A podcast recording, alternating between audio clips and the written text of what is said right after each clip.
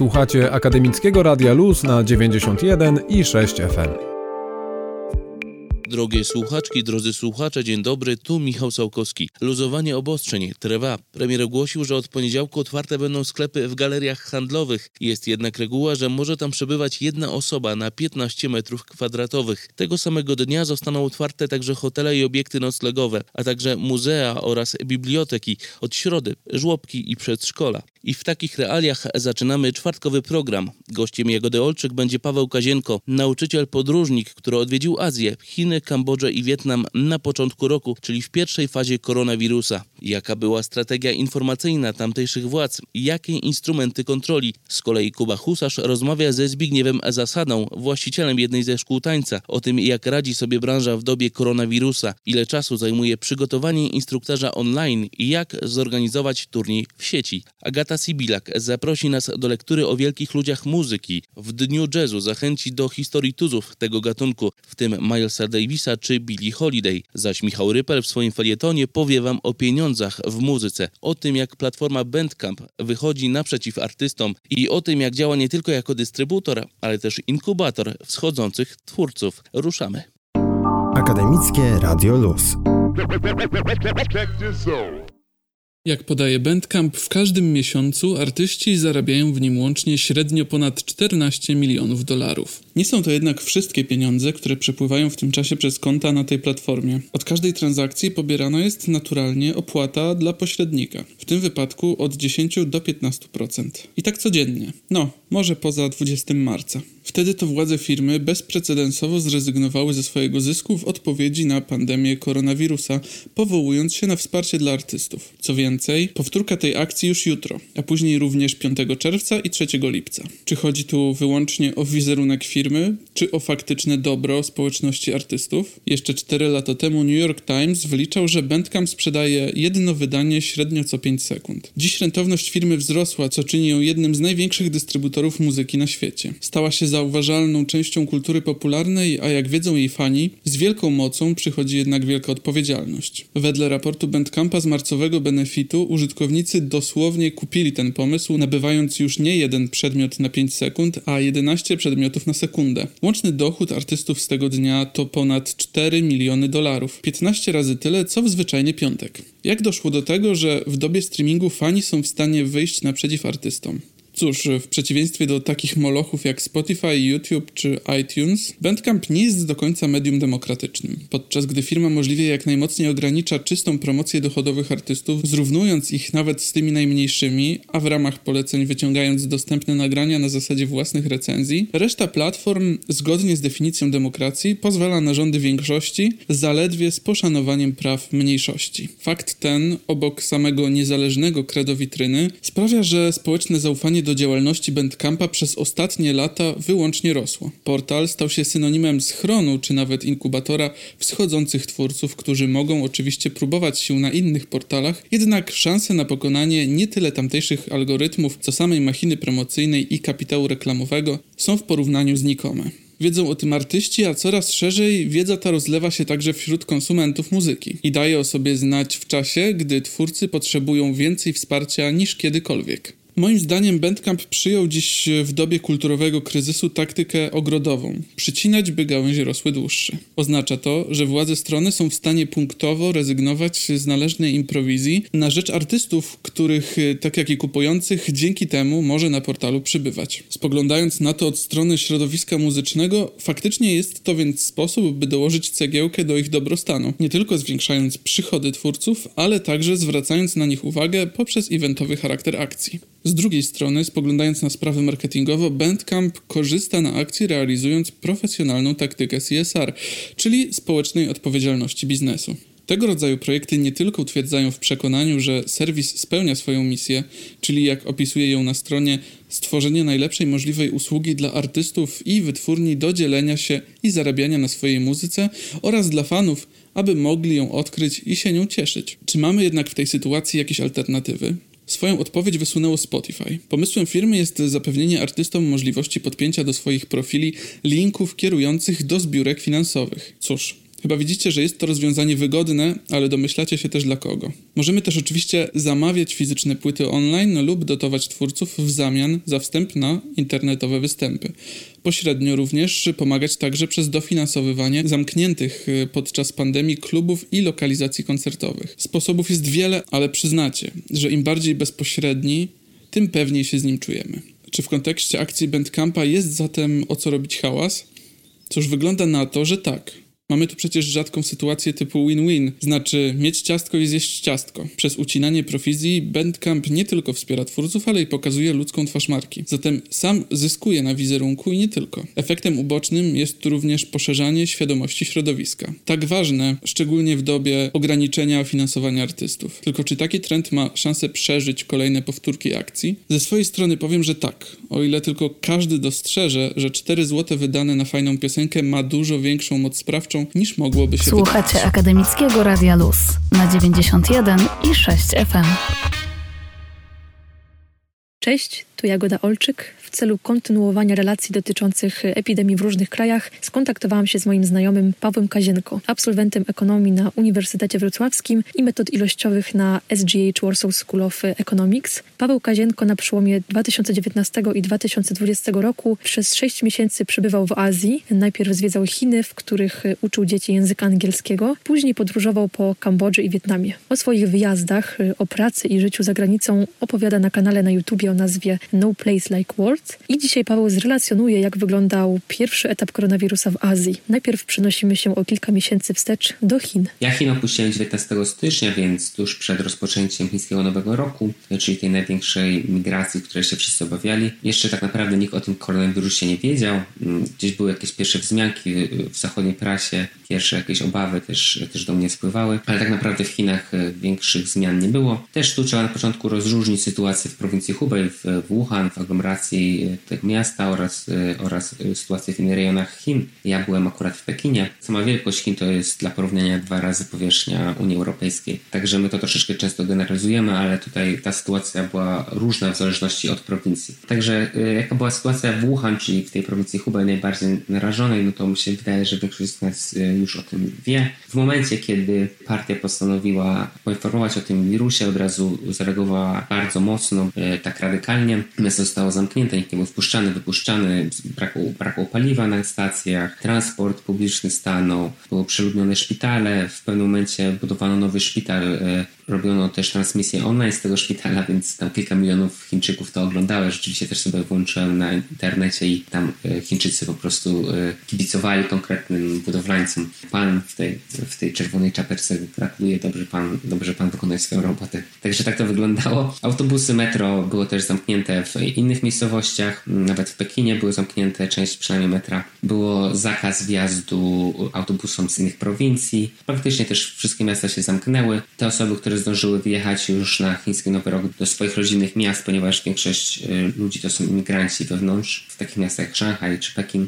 Więc oni, ci co wrócili, to później mieli problemy z powrotem. Oczywiście ludzie zbytnio z domów nie wychodzili. Tutaj bardzo dużo było jedzenia na dowóz. Co zresztą w warunkach chińskich nie jest tak dziwne, ponieważ już przed epidemią jest to dosyć taki popularny sposób zamawiania jedzenia do pracy. Zamknięto wszystkie granice, ale bardziej to, to wszystkie inne kraje zamknęły granice z Chinami. No na przykład na początku lutego moja koleżanka jak wylatywała miała problemy, żeby w ogóle wyjechać z Chin i znaleźć sposób, żeby się wydostać i dostać do, do Europy. Chiny mocno się zamknęły. Też trzeba tutaj zwrócić uwagę na to, że to jednak jest kraj komunistyczny, chociaż z nazwy bardziej, ale, ale jednak jest autorytarny, więc ma większą możliwość inwigilacji, łatwiej mógł kontrolować przemieszczanie się obywateli. No dla przykładu można powiedzieć, że tam jest ponad 600 milionów kamer CCTV w samych Chinach, więc to praktycznie jest kamera na dwie osoby. Dużą też, mi się wydaje, rolę odegrało taka aplikacja Alipay Healthcare. Alipay to jest system płatności razem z WeChat Payem. To są takie dwa główne systemy płatności w Chinach, ponieważ w Chinach korzysta się z komórek i to jest tak, są takie płatności QR-kodami. Karty się tak, nie są takie popularne, w Chinach korzysta się właśnie z tych dwóch często Alipay i e, WeChat Pay. I właśnie ten Alipay wprowadził też e, taką usługę Alipay Healthcare, gdzie można było monitorować, gdzie się ludzie przemieszczają, czy było jakieś zagrożenie spotkania się, e, bycia w miejscu, w którym była też osoba zarażona koronawirusem. Także co jak co, aktualnie sytuacja w Chinach jest już prawie pod kontrolą, przynajmniej tak się wydaje. Chiny teraz zamknęły się, więc to odwrotna sytuacja kiedyś, to cały świat się w pewnym momencie zamknął na Chiny, teraz Chiny zamknęły się na cały świat. Jeszcze niedawno można było przyjeżdżać do Chin i odbyć dwutygodniową kwarantannę w takich specjalnych hotelach. Teraz już chyba nawet to jest niemożliwe. Po prostu nie wpuszczają do Chin obcokrajowców. Też wzrosły zagrożenie dla osób, które tam przybywają, takie ksenofobiczne, rasistowskie trochę, w kierunku białych. Wydaje się, że, że pierwsza fala zachorowań jest już w Chinach opanowana. Oficjalne dane mówią o 82 tysiącach zarażonych i 4,5 tysiącach zmarłych, no ale to raczej w te dane nikt nie wierzy. Zresztą to jak dane innych państw e, azjatyckich też no, pozostawiają dużo możliwości do manipulacji, tak? czyli raczej, raczej nie są to dane wiarygodne. Drugi przystanek to Kambodża. W jakim mieście potwierdzono pierwszy przypadek koronawirusa? Jak mieszkańcy na te informacje zareagowali i czy stosowali się oni do zasad higieny i bezpieczeństwa? Paweł Kazienko. Kambodża jest w dużo lepszej sytuacji. E, oficjalnie aktualnie jest tam 120 zachorowań e, i nikt nie zmarł. Jak jest naprawdę to też oczywiście nikt nie wie, ale wydaje się, że rzeczywiście akurat Kambodża dosyć dobrze radzi sobie z koronawirusem. Także ja pojechałem do Kambodży, na taką wyspę Korong, bardzo ładna wyspa, ale po drugiej stronie w mieście Sihanoukville odnotowano pierwszy w Kambodży przypadek koronawirusa i ja dokładnie w tym samym mieście, w takie małe miasteczko, e, byłem następnego dnia, więc jest to chyba taki najbliższy mój kontakt z wirusem. Jak to ludzie zareagowali na tę informację o wirusie? Wbrew pozorom, myślę, że dosyć, dosyć tak spokojnie. W Chinach i ogólnie w Azji też w tamtym momencie już zaczęło, już brakowało e, maseczek ochronnych, ale co ciekawe, właśnie w tej Kambodży to dosyć sporo tych maseczek było, ponieważ już tego pierwszego, drugiego dnia widziałem, że tak ze 30% co najmniej e, osób e, no, zakrywało, zakrywało usta i nos tymi maseczkami, a w tym miejscu, gdzie, gdzie ja byłem, czyli niedaleko tego ogniska wirusa, no to mi się wydaje, że tak, no połowa osób zakrywała już usta i nos. Takie moje wrażenie, że najmniej chyba się tym przejmowali obcokrajowcy, przynajmniej na tej wyspie. Także pojechałem z tej wyspy do Sihanoukville. No i z tego Sihanoukville miałem właśnie tego dnia, czy tej nocy, taki długi e, autobus sypialny do, do Siem Reap, gdzie znajduje się świątynia Angkor Wat. Są takie autobusy sypialne, w których śpi się mm, na takich łóżkach piętrowych. Rzeczywiście każdy w tym, w tym autobusie miał, miał maseczki. Już od razu tego pierwszego momentu w takich miejscach publicznych, gdzie jest duże ryzyko gdzieś zarażenia się, każdy e, dbał o podstawy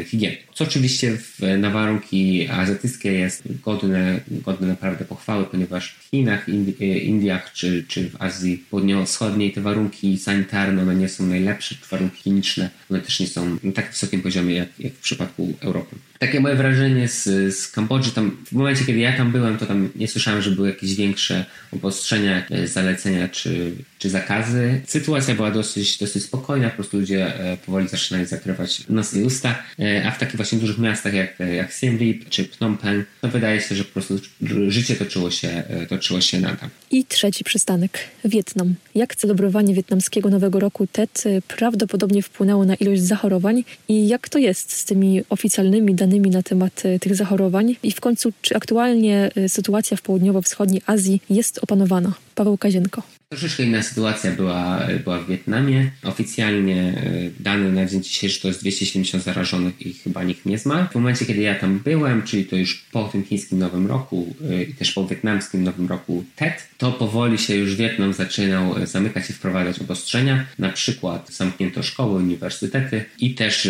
zaczęto jakby troszeczkę nakazywać, zakrywać usta i nos.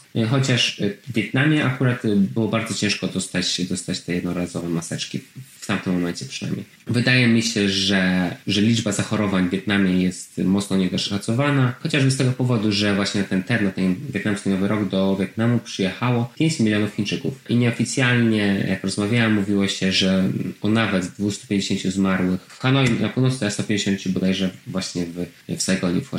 Także zupełnie inne informacje jak te oficjalne. Jak jest naprawdę, mi się wydaje, że to trudno, trudno stwierdzić. Z takiego mojego doświadczenia to też mieliśmy taką sytuację, że jechaliśmy autobusem, który był pusty z, z, ze znajomymi z Polski. I akurat ściągnęliśmy maseczki, ponieważ nikogo nie było w autobusie. A, i pani do nas podeszła i, i, i nam e, po prostu dała te maseczki, też mówiąc po wietnamsku, także taki bardzo miły gest. I to też pokazuje, że ta wrażliwość i jakaś ta odpowiedzialność Wietnamczyków e, była na dosyć dużym poziomie już od początku tej epidemii, że, że jej nie zlekceważono, pomimo, że jakichś większych obostrzeń to tam nie widziałem oprócz zamknięcia szkół. Aktualnie mi się wydaje, że też sytuacja ogólnie w Azji Południowo-Wschodniej, czyli Chiny, Kambodża, Wietnam, może w mniejszym stopniu Tajlandia jest opanowana. Tam przede wszystkim ludzie boją się drugiej fali zachorowań, czyli po prostu nowych skażeń z zagranicy. Powoli się otwierają te szkoły, na przykład w Chinach już w niektórych prowincjach szkoły działają i wygląda na to, że zmierza, zmierza to ku dobremu. Wysłuchaliście relacji o początkach koronawirusa w Chinach, Kambodży i Wietnamie, relacji Pawła Kazienki. Sytuacja w tych krajach jest panowana, obyśmy niedługo mogli tak powiedzieć o innych państwach, w których zaostrzona kwarantanna nadal trwa. Jagoda Olczyk, dzięki. Dobrego dnia. 91 i 6. Akademickie Radio Luz.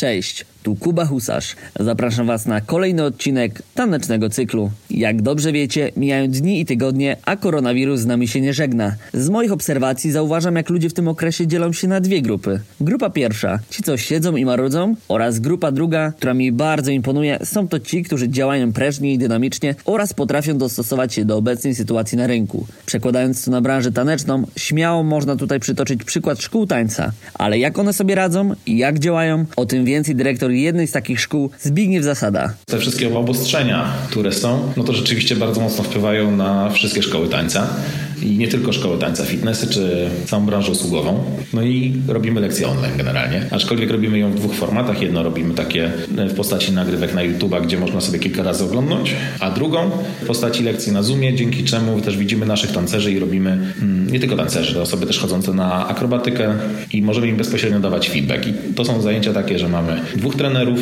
i widać, że to też bardzo fajnie daje efekt. Tutaj do wyprodukowania jednego odcinka czy jednej, jednej części potrzeba przynajmniej czterech osób, czyli jest to dwa razy więcej. Aczkolwiek tak czy tak te koszty są wiele wyższe i wiele więcej osób jest zaangażowanych i co ciekawe, ma to swoje plusy i minusy, co się teraz dzieje. Plusem jest niewątpliwie to, że musimy się wdrożyć w nowe technologie. Chcąc nie chcąc też instruktorzy, którzy no, zazwyczaj są jednak, co by nie mówić, artystami, to jest super, ale nie zawsze mają smykałkę czy potrzebę, nie zawsze mieli korzystania z tych najnowszych osiągnięć technologii. No teraz jest to niezbędne, więc też się przedstawiają i to dla, dla nas, jako dla szkoły tańca też jest plus, bo możemy zrobić potem różne, będziemy mogli zrobić różne ciekawe rzeczy. No minusem jest to, że niestety nie mamy bezpośredniego kontaktu z naszymi podopiecznymi, co boli, bo to jednak jest niesamowita energia, taka jeżeli jest kilkanaście osób na sali. Tutaj spotykamy się chociażby w ten sposób wirtualny, gdzie możemy sobie nawzajem pomóc, dać trochę energii i zrobić fajne rzeczy. Widzimy efekty na bieżąco, więc widzimy, że poprawa u naszych um, młodych artystów, młodych adeptów. Dostajemy feedback na przykład od rodziców, czy bezpośrednio od młodzieży, że naprawdę super, że ekstra, że świetnie się bawili przy tym, co, co zrobiliśmy. No bo wrzucenie, z jednej strony wrzucenie na, na, na Zooma to jest w pewien sposób e, jest prostsze, bo robimy lekcje na żywo, e, ale więcej osób musi być zaangażowane. Z drugiej strony wyprodukowanie takiej produkcji na YouTube to jest kilka godzin, e, bo to musi ktoś przyjść, nagrać, ktoś musi to potem złożyć i tak dalej, i tak dalej, i tak dalej, opublikować, zrobić odpowiednie, wysłać te linki. To się tak wydaje, ale przy kilkuset osobach, które teraz u nas uczestniczą w tych zajęciach, no to jest naprawdę duże wyzwanie i logistyczne również dla nas i ma to swoje, ma to swoje właśnie śmieszne czasami efekty. Na przykład wiele więcej energii trzeba poświęcić na prowadzenie lekcji online bezpośrednio takiej, czy nagrania, niż normalnych, normalnych zajęć, bo jesteśmy perfekcjonistami z założenia. O ile na sali jesteśmy już przyzwyczajeni do tej pracy, wiemy jak ją wykonywać, to jednak tutaj mamy takie, że musimy się wiele bardziej skupić nie tylko na tym, co robimy, ale też w jaki sposób i jakie są różnice. Pamiętać o tym, że na robimy lekcje w założeniu na przestrzeń 2 na 2 metry, co jest dużym wyzwaniem, żeby znaleźć odpowiednie ćwiczenia, a jednocześnie nie zanudzić uczestników zajęć, naszych odbiorców. Mam nadzieję, że mimo tego, wszyscy, może mimo tego, co się teraz dzieje, wszyscy, nie tylko my jako firma, ale my jako ludzie wyjdziemy mocniejsi i będziemy potrafili się bardziej wspierać, być bardziej uważni na drugiego człowieka, no i dzięki temu wszystkiemu ogólnie stworzyć lepsze społeczeństwo. Taką unikalną rzeczą, która się stała teraz, to jest to, że nasi tancerze, czy osoby właśnie chodzące na akrobatykę, gimnastykę, mają okazję poznać innych instruktorów z innych miast i wziąć z nimi zajęcia. No wcześniej jakby nikt by nie przyjechał na pojedyncze zajęcia z Łodzi do Wrocławia, a teraz jednak to, że możemy im zaproponować też alternatywę dla tych zajęć, które mieli nas zazwyczaj ze swoim instruktorem, tutaj mają z innym specjalistą, który w trochę inny sposób może poprowadzić, może przekazać im wiedzę też taką, która jest istotna, ale na inny sposób, bo wiadomo, że każdy z instruktorów prowadzi troszeczkę inaczej. Mimo, że mamy pewne reguły, których się trzymamy bezpośrednio, chcemy zachować i zachowujemy pewne standardy, to każdy jednak mimo wszystko, a może nie mimo wszystko, a właśnie dodatkowo ma jeszcze swoje takie sposoby i ulubione metody dotarcia do osób, którym chce coś przekazać. Więc to też jest fajne, że mają okazję teraz ludzie skorzystać z zajęć de facto naszych od różnych instruktorów, do których mamy zaufanie i wiemy, że robią to dobrze. Duży plus też dla instruktorów, żeby poznać innych, te, innych właśnie artystów z innych miast. Jakiś czas temu wpadłem na to, że siedzimy w domach i najgorsze co jest aktualnie to jest brak celu, no bo siedzę ile można oglądać y, serwisów streamingowych y, czy telewizji, tudzież internetów, przeglądać kotki i memy. Dużo można, ja wiem. Aczkolwiek w pewnym momencie człowiek mówi chciałbym więcej. No i taka możliwość właśnie mi wykierowała w głowie, żeby mieć cel, żebyśmy mogli coś do czegoś trenować. No i mamy teraz już drugi turniej tańca online, który odbędzie się 2 maja. Dodatkowo nie dość, że można zdobyć klasy, czyli podnieść swój poziom taneczny tak widocznie, to jeszcze jest nagroda główna. Yy, mamy 1000 zł, o 500 i 300 i to nie wychodząc z domu, nagrywa się filmik i można o taką nagrodę również zawalczyć, więc zachęcam do udziału. A ja zachęcam Was do tego, żebyście aktywnie spędzili dzień, choćby na szlifowaniu swoich tanecznych skilli w domu. A tymczasem słyszymy się w następnym odcinku. Cześć! Wrzuć na luz na 91 i 6 FM. Dziś obchodzimy Międzynarodowy Dzień Jazzu. Mówi się, że opowiadać o muzyce to jak tańczyć o architekturze. Paru śmiałków postanowiło jednak napisać o muzyce i o muzykach, czyli często o sobie, bo autorzy książek, o których wam opowiem, to w większości jazzmeni. Jakie publikacje warto poznać? Zapraszam, Agata Sibilak. Człowiek, który zmienił oblicze muzyki. Bez niego prawdopodobnie nie powstałoby wiele gatunków. O kim mowa? O Milesie Davisie oczywiście. W swojej autobiografii opisuje szalone życie muzyka, ale także wspomnienia z nadpięciolinii czy walkę z rasizmem. Mogłoby się wydawać, że środowisko jazzowe zdominowane jest przez mężczyzn. W historii tego gatunku pojawiły się jednak kobiety, obok których nie można przejść obojętnie. Jedną z nich jest Billie Holiday, która w autobiografii Lady Day śpiewa bluesa opowiada o trudach życia w getcie i niebezpieczeństwach związanych z uzależnieniami. Trzecia pozycja warta Waszej uwagi to Komeda Osobiste życie jazzu autorstwa genialnej Magdaleny Grzebałkowskiej. Jednego z najbardziej znanych polskich muzyków możemy poznać dzięki wspomnieniom jego żony, Zofii Trzcińskiej. To literacka podróż od studiów medycznych przez małe salki muzyczne do salonów Hollywood, a to wszystko na tle kulturalnych przemian w naszym kraju. Bądźcie bezpieczni i czytajcie książki. Uratować nas może sztuka i siedzenie w domu. Akademickie Radio Luz.